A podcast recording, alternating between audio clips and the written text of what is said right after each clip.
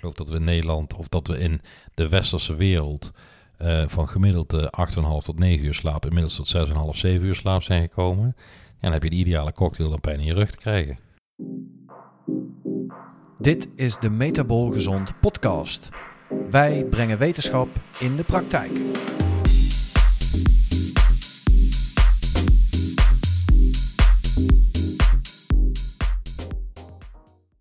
Welkom bij weer een nieuwe aflevering van de Metabol Gezond podcast, waar wij jouw gezondheid van reactief naar proactief brengen. Volg ons op Facebook onder Metabol Gezond of op Instagram onder Metabole Reset Methode. En de podcast zelf kun je terugvinden op SoundCloud, Apple Podcast app, onder Metabol Gezond. En daarnaast zijn wij, zoals de vorige paar afleveringen, ook weer uh, terug te zien op YouTube-kanaal, ook onder Metabol Gezond. We gaan het uh, vandaag hebben over iets wat al licht aangestipt is in, uh, in de vorige podcasts. Eigenlijk ehm, met name volgens mij in de podcast twee, twee geleden. En toen hebben we het gehad over cijfers die vanuit het RIVM bekend zijn over uh, chronische aandoeningen onder de Nederlanders. Dat klopt. En uh, op nummer 1 staat uh, met stip nek- en rugklachten. En ik denk dat we vandaag maar eens over die nek- en rugklachten gaan hebben. Ja, iets waar wij allebei natuurlijk al heel lang mee te maken hebben. al vanaf dat we fysiotherapeuten zijn. Ja. Maar waar we door de jaren heen toch op een wel degelijk hele andere manier naar zijn gaan kijken. Absoluut. Als, uh, als je gaat kijken naar, uh, naar uh, het percentage van mensen nu in de praktijk ehm, die met klachten komen, dan is het, het grootste gedeelte toch ook inderdaad echt wel mensen met rugklachten. En ehm, ik, ik ben natuurlijk begonnen als, als fysiotherapeut, net zoals jij. En ik weet nog dat ik als fysiotherapeut behoorlijk onder de indruk was uh, van uh, de manuele therapeut waar we allebei stage hebben gelopen. Maar als fysiotherapeut uh, houd je je vooral bezig met het lokale probleem van het zit vast. Ja. Ja, niet alleen met het lokale probleem van het zit vast, maar ook wordt er vanuit gegaan dat ehm, door middel van, nou ja, met name oefentherapie dan in de fysiotherapie tegenwoordig. Mm jij hebt dat nog wel anders meegekregen dan, dan dat ik dat heb. Ehm, dat er toch externe middelen nodig zijn om uh, ook zo'n probleem uh, op te lossen. Ja, ik, uh, ik kan me nog heel goed herinneren dat ik les heb gekregen in bewegingstherapie. En jij hebt veel meer actieve bewegingstherapie gehad, maar ik heb ook nog echt les gehad in passieve bewegingstherapie. Dus het, en dat noemen we dan het mobiliseren van gewrichten. En ik heb nog in mijn stage zelfs mensen met met, met hernia-achtige klachten daadwerkelijk in een tractiemachine uh, gehad en dergelijke. En uh, dat zijn dingen waar, waar we in de laatste ja, 15, 20 jaar een duidelijk andere wetenschappelijke kennis over hebben gekregen. Ik denk niet dat er nu nog uh, ergens tractie wordt toegepast bij een hernia. nee, ik, ik ken die, dat apparaat inderdaad ook. Volgens mij stond dat ook in de praktijk van. Hè? Ja. Um, dus dat ken ik ook wel, maar um, ik, ik, geef nu ook les op de opleiding osteopathie. En daar uh, worden nog wel tractietechnieken aangeleerd, maar minder therapeutisch. Maar meer met als doel om, om een stukje diagnose te doen. Dus om een reactie uit te lokken of juist niet, om te zien wat er aan de hand is. Welke structuur de pijn uitlokt. Ja, precies. En um, ja, zo heb ik het vooral uh, meegekregen. Als, als een meer een diagnostiek dingetje. Nou ja, ik ben, ik ben natuurlijk begonnen uh, in, in 1990 en ook toen waren natuurlijk rugklachten en nekklachten uh, veel voorkomende klachten. Ik heb nog echt klassiek ook gewoon massages gedaan en, en warmtepakkingen en infraroodlicht en dergelijke. En um, dat, dat deden we dan om de spieren te ontspannen die de pijn uitlokten. Als die spieren beter ontspannen waren, konden we beter de wervelgewrichten behandelen. En uh, ja, toen bestond de behandeling dus echt uit. Uh, uh, nou ja, ik had dan een half uur voor een behandeling. En, en, en vaak, vaak was het zo dat voor die behandeling de mensen dan kwamen voor een warmtepakking. En dat op het moment dat je de behandeling ging beginnen, dan, dan, dan haalden ze mensen dus van de warmtepakking af. En dan begon je met een massage om, om alles te ontspannen. En ik heb, ik heb echt letterlijk vier uur massagepraktijk in de opleiding fysiotherapie gehad. Vier Ja. uur in de week. Ja. En ik denk eh, dat als je nu naar de fysiotherapiepraktijk gaat, eh, dat, dat, dat er geen fysiotherapeut is die je nog masseert. Wat Nee. misschien terecht is, hè? Ja, nou ja, goed. Eh, het is natuurlijk niet slecht dat dingen evolueren en dat nieuwe dingen worden geprobeerd en gekeken wordt wat dat doet. Maar als ik nu ook, refereer ik weer even terug aan het lesgeven, eh, de studenten die bij mij in de les zitten zijn dus allemaal net afgestudeerde fysiotherapeuten. Mhm. En wat je ziet is dat als het woord massage valt, dan is daar meteen al een soort anti... Aversie. Ja, er is een soort aversie tegen van, nou, masseren, dat, eh, dat doe je toch niet meer? Terwijl er ook wel degelijk goede onderzoeken zijn die laten zien dat het doen van een massage echt wel effect heeft. De vraag is of dat in de fysiotherapiepraktijk thuis hoort. Dat is een, een, een tweede vraag. Maar eh, er gebeurt natuurlijk van alles op, op, eh, op lokaal niveau in het weefsel. Eh, maar ook in, het, in het zenuwstelsel heb je veranderingen door, door een massage. Ja, de vraag is eigenlijk of het effect wat werd geopperd, het effect te zijn, of het mechanisme waar de massage op, op werkzaam is. Of dat misschien, want dat is dan wel een leuk bruggetje meteen. Eh, dat, nou, misschien kun jij dat eens u- uitleggen, wat ik bedoel. Eh, nou ja, ik denk dat jij bedoelt dat we ervan uit zijn gegaan dat de warmte en de massage ehm, heel erg lokaal hun effect hadden. Ja, Terwijl we inmiddels weten dat het prikkelen van bepaalde receptoren in de huid, en dat kan door warmte, maar dat kan ook door aanraking, ehm, met name in de hersenen heel veel eh, activiteit uitlokt van hormonen, waarvan we eigenlijk weten dat dat het, eh, het welbevinden eh, stimuleert. En dat bedoel ik met, met die hormonen oxytocine, wat het verbindingshormoon is, of het Mhm. bindingshormoon is. En met name ook serotonine, wat je gelukshormoon is. ja. ja en, en beide hormonen hebben natuurlijk ook een regulerend effect op het immuunsysteem. Ja, En het immuunsysteem is natuurlijk weer belangrijk. Daar hebben we het de vorige keren steeds over gehad. Om een stuk eh, goed eindigen en st- opstarten van een reactie, eh, een ontstekingsreactie te doen. en het speelt een enorme rol in je energieverdeling. Want als het energie eh, steelt, dat immuunsysteem, omdat het continu actief blijft, dan komen er bijkomende klachten, zoals bijvoorbeeld vermoeidheid. Ja, precies. Ja, en dan maakt het ook nog wel uit, heb ik toch begrepen, dat ehm, er zijn natuurlijk veel verschillende soorten massage ook nog. En wil je het effect bekomen van het produceren van die stofjes die in jouw hersenen centraal werken, dan moet die massage niet ehm, misschien te intensief zijn. Nou ja, als het gaat om het prikkelen van de huidreceptoren, dan is het wel handig eh, als de druk genoeg is om die huidreceptoren te prikkelen. Maar die moet dan weer niet zo hoog zijn dat er zoveel sensorische eh, prikkeling is, eh, dat dat systeem eigenlijk ja, overbelast raakt als het ware. En dan, dan gaat het eigenlijk precies tegen eh, hetgene wat je zou willen. Ja. Ehm, en ik denk dat, eh, dat dat een, een stukje is wat eh, toch wel heel veel vergeten wordt. Ehm, en wat jammer is, omdat het wel hele goede effecten kan sorteren. En eh, we zouden vandaag eh, wat meer praten over die rugklachten en die nekklachten. Omdat Ja. eh uit mijn hoofd mm, 2 miljoen mensen in Nederland met, eh, met rug- en nekklachten eh, lopen. Dus chronische rug- en nekklachten. Ehm, in de totaliteit was er bijna 60% van Nederland met een chronische aandoening. En rug- en nekklachten was nummer 1. Ja. En wat doe jij vandaag anders in de behandeling van rugklachten als 15 jaar geleden? Ja, nou wat ik, wat ik eigenlijk altijd wel denk van dat klopt nog steeds. En dat heb ik toen ook al geleerd. Ook met mijn minder eh, achtergrond vanuit het manueel. Met de handen benaderen en mobiliseren, wat jij net ook eh, aangaf. Maar meer vanuit het oefenen. De, de basis, heb ik altijd geleerd, is, een, is, er, is ergens een onbalans tussen verschillende spieren. Mhm. En ik denk dat dat nog steeds best wel een goede gedachte is. En ik snap en ik kan ook de gedachte volgen dat je met een, eh, met een oefentherapie probeert om door middel van het aanspannen van een spier, misschien wel een andere spier die een tegengestelde functie heeft, tot ontspanning te brengen bijvoorbeeld. Ik denk, Mhm. ook, nou, dat, dat werkt ook zo. Ja.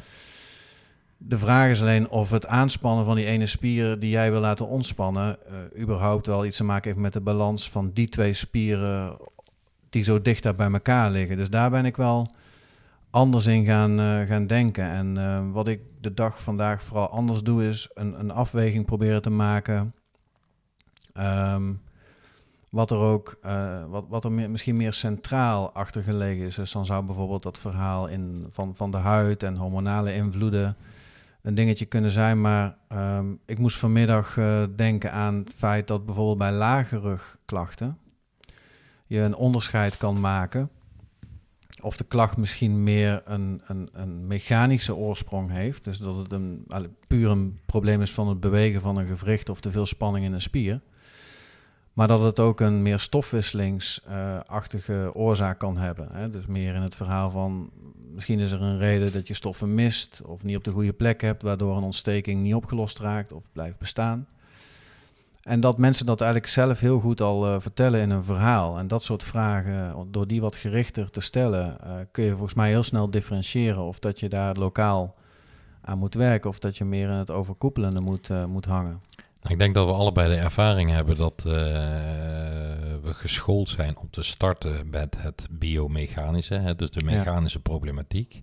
Ik denk dat, dat een van de redenen dat we allebei niet meer als fysiotherapeut werken, is dat we in de praktijk hebben gezien dat heel veel mensen, ondanks het behandelen van die grootheden, bewegelijkheid, spierkracht, spierlengte en dergelijke, dat mensen toch klachten bleven houden. Ja, En, en het zoeken naar van hoe komt het nou dat ondanks de dingen die ik doe, mensen toch niet heel erg veel verbeteren met hun klachtenpatroon, dat dat heeft geleid tot het punt waar we nu zijn. En ik denk dat zo'n metabole oorzaak, wat je eigenlijk eh, eh, zegt, eh, dat dat veel meer voorkomt dan dat we weten.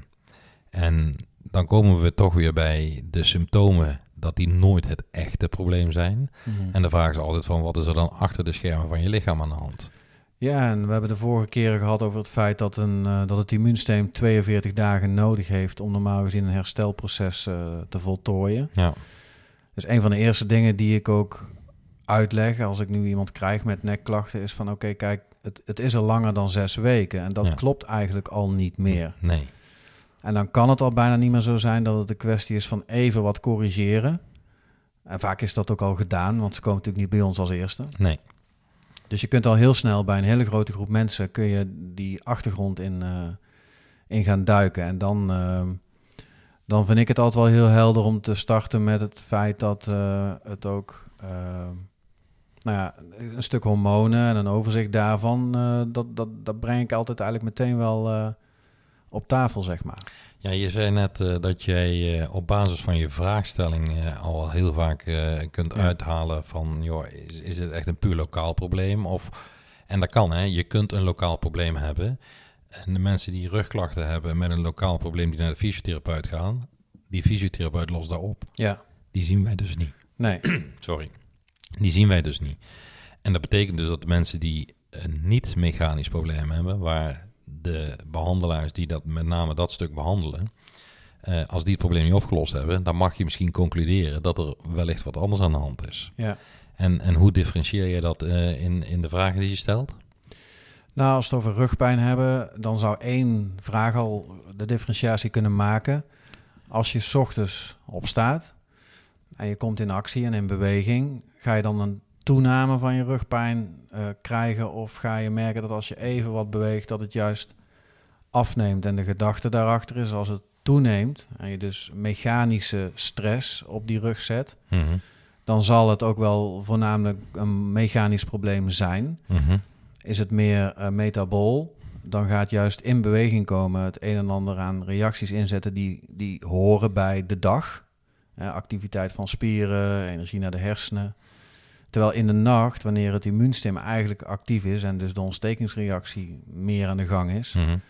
ja, dat, dat ga je 's ochtends eh, voelen. Maar dat verdwijnt dus omdat er op de dag een ander metabolisme ontstaat. En eh, wat ik ook heel vaak hoor in de praktijk is dat mensen zeggen van ik ben, ik ben zo stijf als, als een plank als ik opsta, bij wijze van spreken, ik kan mijn sokken nog niet aantrekken. Ja. En als ik de trap af ben en ik heb de koffie gezet, en eh, ja, dan gaat het al een stuk beter. En dat zijn ook vaak mensen die aan het einde van de dag juist weer een toename van klachten hebben. Eh, Ervaar je dat ook zo? Ehm, als ze juist weer minder dynamisch gaan functioneren. Ja. Ja, ja zeker. En mijn ervaring is ook dat heel veel mensen die klagen over die ochtendklachten met name, dat die ook ehm, een toename van klachten krijgen op het moment dat ze langdurig in één houding zijn. Mhm. En of dat nou zitten is, of staan, of langer wandelen, of slenteren in de stad, of, of, of wat dan ook. Eh, altijd weer een verandering van houding en of beweging geeft dan weer eventjes wat meer klachten. En, en, maar als ze maar gedurende de dag voldoende wisselen van houding en beweging, dan gaat het eigenlijk gedurende de dag wel. Ja, ik, ik kan uit eigen ervaring eh, spreken dat, eh, dat ik ook zo'n rugpijn heel vaak had die metabol van aard was. Ja, En dat ik zelfs bij best wel fysieke arbeid eigenlijk geen last had. pas de volgende ochtend. Ja, of als ik op de dag eh, bijvoorbeeld veel, eh, als ik gewoon een werkdag had en ik maakte weinig eh, echte beweging, dus ik stond vooral aan mijn tafel, stapje opzij, stapje vooruit, houding aanhouden, even zitten. Dat waren de momenten dat het langzaam op begon te komen. Maar als ik dan bijvoorbeeld, ik weet het nog exact, ik moest toen een keer een, een, eh, een DJ-set eh, opbouwen. Want dat was toen een, een hobby van mij, een klein bedrijfje wat ik heb gedaan. En nou ja, dan sta je met flinke speakers eh, te zeulen en dergelijke. En totaal geen last. Dus dat is ook wel... Ik heb toen ook gedacht, wel grappig. Dat is juist fysieke belasting. Dus ergens ook juist misschien wel een goed advies kan zijn... Ja, om dat juist te doen als je last van je rug hebt. omdat meer fysieke belasting leidt tot een betere doorbloeding. Ja, En een betere doorbloeding leidt tot een betere aanvoer van voedingsstoffen, betere afvoer van afvalstoffen. En je krijgt dus geen stuwing en geen, geen eh, hè, in het Duits, eh, het woord voor file in het Duits is stauw. Hmm. En stauw is eigenlijk stuwing. ja, En ehm, dat is wat je dus ook ziet in het weefsel, waardoor er zwelling ontstaat. Ja. En eh, zwelling is een proces wat ruimte inneemt. En als je onderin je rug al niet zo heel veel ruimte hebt, dan kan dat eh, tot allerlei klachten leiden. Eh, bijvoorbeeld een uitstraling naar je bil of een uitstraling naar je knieholte of zelfs tot in de voet, al naar gelang welke zenuwen daar dan bij betrokken zijn. Ja.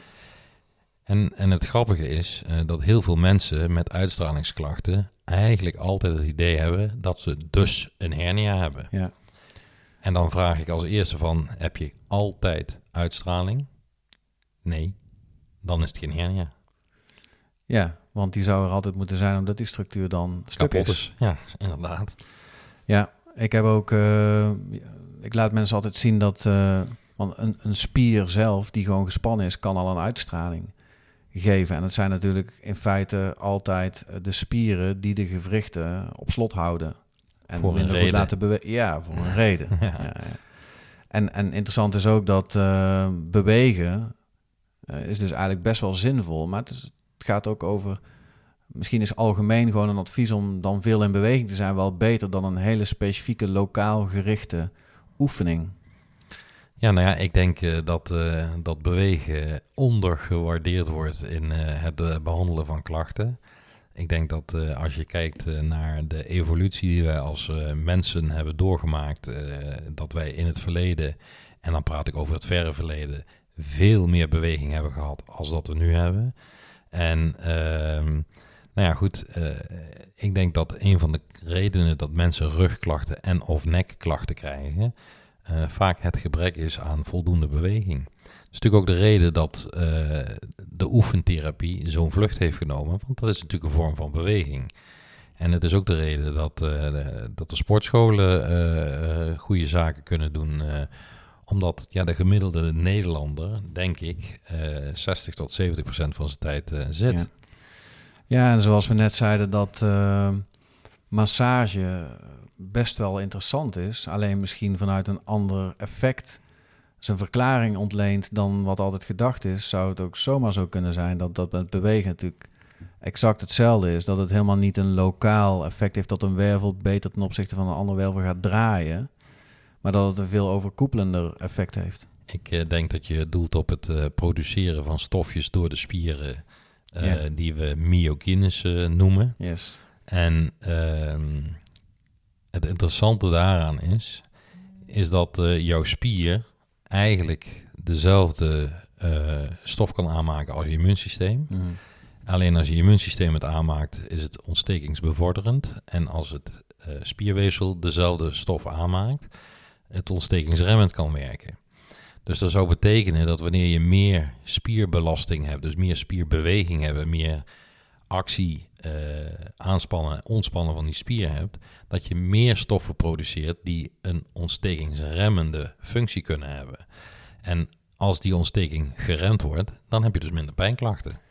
Ja, dat is natuurlijk evolutionair een interessante gedachte. Want als je in beweging moet zijn, dan was dat meestal toch met een doel. Het vinden van voedsel, het vluchten of vechten. In ieder geval het, eh, het, het, het counteren van een stressor. Mhm. En dan was het denk ik niet zo gewenst om dan veel pijn te ervaren of om een actieve ontsteking eh, aan de slag te hebben. Vooral ook niet omdat daar waar een actieve ontsteking zit, ook de energie heen gaat. En die had je op dat moment voor andere dingen nodig. Ja. Dus wel, wel, leuk dat bewegen eigenlijk gewoon, eh, ja goed, zinvol is. Dat is, dat is wel duidelijk. Ja. Ik weet niet of jij dat exact weet, maar volgens mij is er ook een exacte duur te noemen dat, dat, dat je toch in beweging zou moeten komen. En ik dacht mij te herinneren dat het ergens ja, tussen de half uur en de drie kwartier lag, dat je toch niet langer dan dat statisch moet zijn om een eh, Nee, negatief bedoelt- effect te voorkomen. Je bedoelt de beweegnorm in Nederland?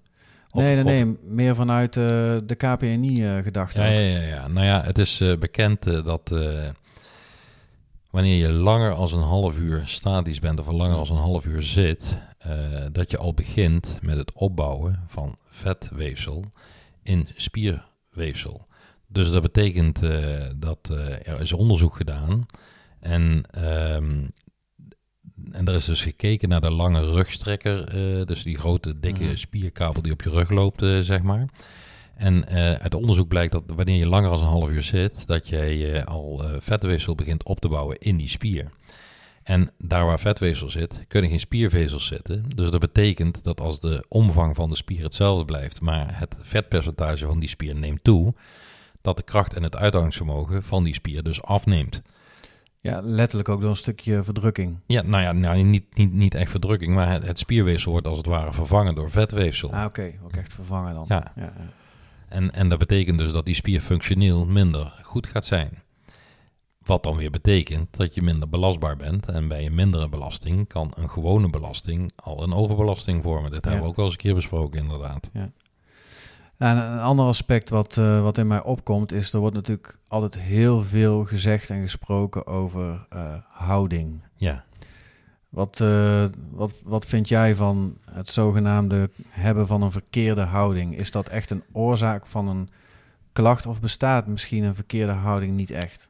Ja dat is eh, een goede vraag. Die niet 1, 2, 3 in mijn ogen te beantwoorden is. Want ehm, het kan niet zo zijn dat wij bewust met onze houding bezig moeten zijn. En het kan best zijn dat als er klachten zijn en we zijn bewust met onze houding bezig, dat, het, dat de klachten daarvan afnemen.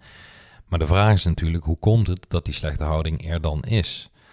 En ehm, een van de dingen die je bij heel veel mensen in de praktijk ziet, ik dan toch, is eh, dat de spieren aan de voorkant van de borstkas verkort zijn. Mhm. Omdat mensen heel vaak, voor de kijkers die dat kunnen zien, toch in deze houding komen te zitten tijdens hun werk of de schouders optrekken of, of net wat. Ehm, maar als je dat langdurig doet, dan worden die weefsels aan de voorkant een stuk korter. En dat betekent dus dat je aan de achterkant continu een rekprikkel hebt. En ehm, ik zie best heel veel mensen die, die klachten hebben tussen de schouderbladen bijvoorbeeld. En, en, eh, en dan heeft de fysiotherapeut gezegd van ja, dat ligt aan de houding. Ehm, maar de vraag is of de houding de prikkel is waardoor die spieren verkorten. Ja, zoals we laatst ook hadden gepraat over het voorbeeld van eh, het dineetje wat wordt gegeven. En pro- probeer met zoveel mogelijk honger te komen op het diner. Ja. Wat zou je ga dan doen? En de conclusie was eh 90% of meer van de mensen zegt... eh, eh, Niet eten. Ja, en, en, en sporten. Ja. Maar zo zou hier ook eh, kunnen zijn dat het niet zozeer de verkeerde houding is. Dat is iets wat ik dan altijd benoem. Maar dat het vooral het gebrek aan beweging is. of afwisseling? Ja, ik denk dat uh, als we praten over nekklachten, dat er heel vaak een disbalans is inderdaad tussen de, de, de spierkracht aan de achterkant en de spierlengte aan de voorkant. En uh, wederom, als we zouden oprekken die spieren en we zouden de achterkant versterken, zouden daarmee je houdingsklachten tot het verleden moeten behoren. Ja. En toch zie je heel veel mensen die die oefeningen doen. Uh, en desondanks hun nekklachten blijven houden. Dus dan is de vraag: speelt dat niet meer als alleen maar uh, die spierlengte en spierkrachtverhoudingen? En ik denk dat we in de praktijk nogmaals de mensen zien uh, waarbij er meer aan de hand is. Want anders had iemand anders hun probleem al opgelost. Ja, plus in die zittende houding komt ook weer dat fenomeen van het, van het vormen van vet naar voren. En te weinig beweging zorgt er natuurlijk voor dat er weinig uh, uh, anti-ontstekingsstoffen worden aangemaakt. Ja, en dan is, zijn de voorwaarden voor een, voor een ontsteking of een irritatie of pijn eigenlijk al geboren. Ja, en wat we ook niet moeten vergeten is dat, ehm, kijk, ik, ik heb de indruk dat heel veel mensen in de praktijk te weinig bewegen. Dus een gebrek aan beweging kan klachten uitlokken. Ik heb ook de indruk dat heel veel mensen in de praktijk uh, niet voldoende slapen, of in ieder geval niet voldoende kwalitatief slapen. En een gebrek aan goede beweging, een gebrek aan slaap, uh, zijn factoren die een rol spelen in het ontstaan van klachten. Daarnaast is het zo dat als je gaat kijken naar het immuunsysteem, die dus iedere irritatie, uh, ontstekingsreactie uh, in feite zou moeten oplossen. Uh, ik denk dat we heel veel mensen in de praktijk hebben die bijvoorbeeld een peesklacht hebben of een spierklacht hebben. En in feite is dat niks anders dan het gebrek aan energie in die structuur. Mm -hmm. En dan is die energie dus ergens anders. Nou, stel je nou voor dat je uh, op basis van een niet zo goed voedingspatroon, dus we hebben er al drie, hè, slapen, Mhm. bewegen en voeding. Stel je nou voor dat je op basis van een niet zo goed voedingspatroon uh, een irritatie hebt voor je darmwand. Ik bedoel, we kunnen zo drie, vier stoffen noemen die dat kunnen uitlokken. Ja. Wat bij iedereen uh, in Nederland in het dagelijkse dieet uh, zit, zeg maar. En je krijgt een ontstekingsreactie van je darmwand. Nou, die darm, die, die darm, die darmwand, die heeft een oppervlakte van zeven of acht voetbalvelden, heb ik wel eens horen zeggen. Ja. Um, wat in oppervlakte veel groter is als die peesaanhechting of dat stukje spier waar jij klachten hebt. En, en dat betekent dus dat als je darm niet in orde is en uh, die spierontsteking gewoon geen prioriteit krijgt van je immuunsysteem. Nee, want als die darm uit de hand loopt, heb je een veel groter probleem. Precies. En een van de dingen die, uh, die dan ook nog kunnen bijdragen aan het, uh, aan het krijgen van een darmprobleem is gewoon de aanwezigheid van stress. Ja. Want stress zorgt voor het openen van de darmwand om glucose, zout en water op te nemen. Wat je nodig hebt om je bloeddruk te verhogen en, en uh, brandstof om uh, in actie te komen. Nou, tel dat uh, bij een beetje voeding wat niet, niet goed, niet 100% is zoals het zou moeten, zeg maar. Plus te weinig beweging. En ja, ik geloof dat we in Nederland, of dat we in de westerse wereld... Van gemiddeld uh, 8,5 tot 9 uur slaap, inmiddels tot 6,5, 7 uur slaap zijn gekomen. En dan heb je de ideale cocktail om pijn in je rug te krijgen. Ja, en die darm produceert ook nog eens een aantal stoffen die uh, uiteindelijk in je brein, denk ook weer de koppeling misschien naar serotonine. Absoluut. En dus overal weer connected, maar uh, veel mechanismes die bijvoorbeeld vanuit die darm al geboren worden. Ja, ik denk dat, uh, dat er heel veel uh, mensen zijn die, die zich in de therapie met name op die darm richten dat die best ook wel succesvol zijn in het, uh, in het oplossen van klachten bij mensen die, uh, die bij een, uh, een reguliere behandeling niet opgelost konden worden. Ja. En als ik het heb over een reguliere behandeling, dan heb ik het natuurlijk onder andere over een, een behandeling fysiotherapie. Je kan je voorstellen, als je bovenbeenspier een probleem heeft, als gevolg van het feit dat je darmwand niet optimaal is, dat je kan trainen tot kerstmis. Het is nu september, dus dat je drie maanden kunt trainen om om die spier te versterken. En je kan eraan werken om de lengte van de hamstrings te verbeteren, zodat de balans in dat been veel beter is. Maar dan zul je de rest van je leven dat moeten blijven trainen en rekken. Ja. Dat kan niet de bedoeling zijn. Nee, en ik zit net ook te bedenken, als iemand klachten heeft, uh, dan, dan ben je natuurlijk al een eind op weg eigenlijk. Want een spier maakt elke dag eigenlijk schade aan zichzelf, doordat die belast wordt, die Ja. vervolgens in de nacht door het immuunsysteem opgelost wordt. Mm -hmm. En als dat niet goed gaat, dan, dan creëer je voorwaarden om gewoon eh, gevoelig te worden. Natuurlijk uiteindelijk voor spierletsels. Ja. Steeds weer opnieuw. En dat, dat was natuurlijk wel het beeld wat de patiënt die bij ons als fysiotherapeut in de praktijk kwam, vertoonde. Ja, dat is natuurlijk wel een wereld van verschil als je kijkt hoe we daar nu eh, in staan. Dat is al echt een evolutie geweest. Dat is echt eh, een revolutie geweest zelfs. Ja. We zijn ook gewoon weer een half uur bezig al. Dat meen jij. Ja, echt waar. De tijd vliegt. Heb jij nog iets, heb jij nog iets toe te voegen? Want volgens mij hebben we best een, een redelijk rond verhaal gemaakt rond spieren. Dat denk ik ook. Ik denk eh, dat. eh, ik, ik kreeg eh, deze week de vraag van, van een van onze luisteraars. Of dat we aan het einde van onze podcast een soort van samenvatting konden maken. van waar hebben we het nu eigenlijk over gehad vandaag. Ja. En eh, ik, ik ben eh, daar nog steeds dankbaar voor. Want dat is een, ik denk dat dat een goede verbetering is van eh, wat we aan het doen zijn. Ehm, het enige wat lastig is, is dat wij natuurlijk beginnen.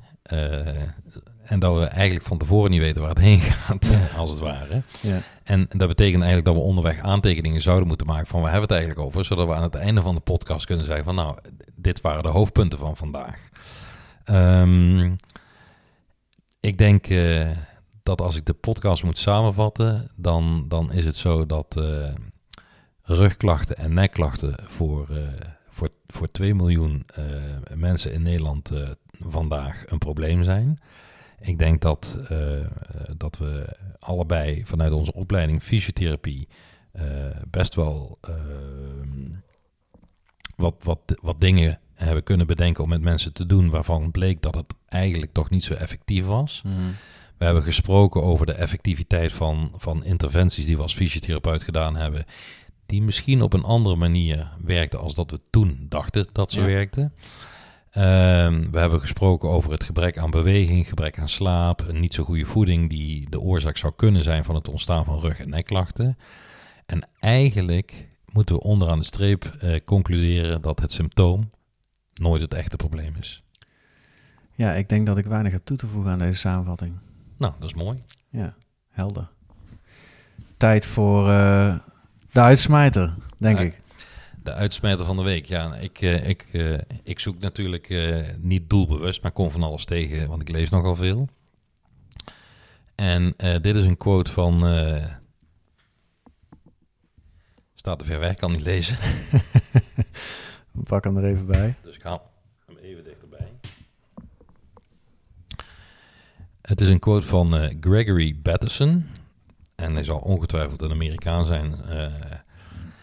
en de quote in het Engels is: The major problems in the world are the result of the difference between how nature works and the way people think.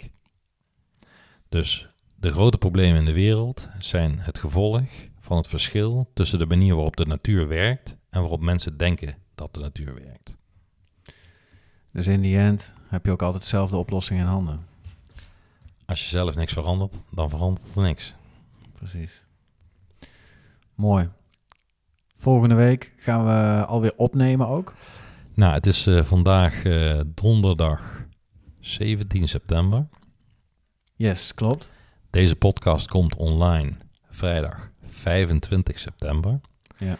En volgende week zijn wij eh, twee dagen in Gent Ja, voor een nascholing. Ja.